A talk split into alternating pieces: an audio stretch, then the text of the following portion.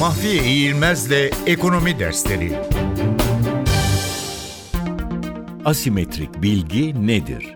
Asimetrik bilgi, bazılarının ötekilere göre daha fazla bilgi sahibi olduğu bir durumu anlatmak için kullanılan bir ifadedir.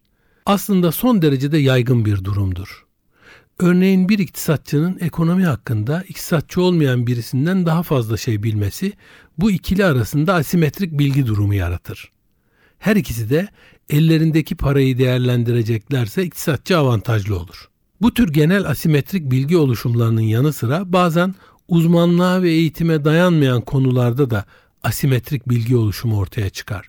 Ki bu durumlarda genel olarak ahlaki sorunlar da doğabilir. Örneğin bir kurumun ihalesiyle ilgili herkese dağıtılan şartname dışında ihaleye katılacak firmalardan birisine ek bazı bilgiler sözlü olarak verilmişse o zaman bu ihalede asimetrik bilgi söz konusu olur ve bu bilgi o kuruma avantaj sağlar. Kredi derecelendirme kurumları gibi kurumlar bu tür asimetrik bilgiyi önlemenin bir yolu olarak başvurulan kurumlardır.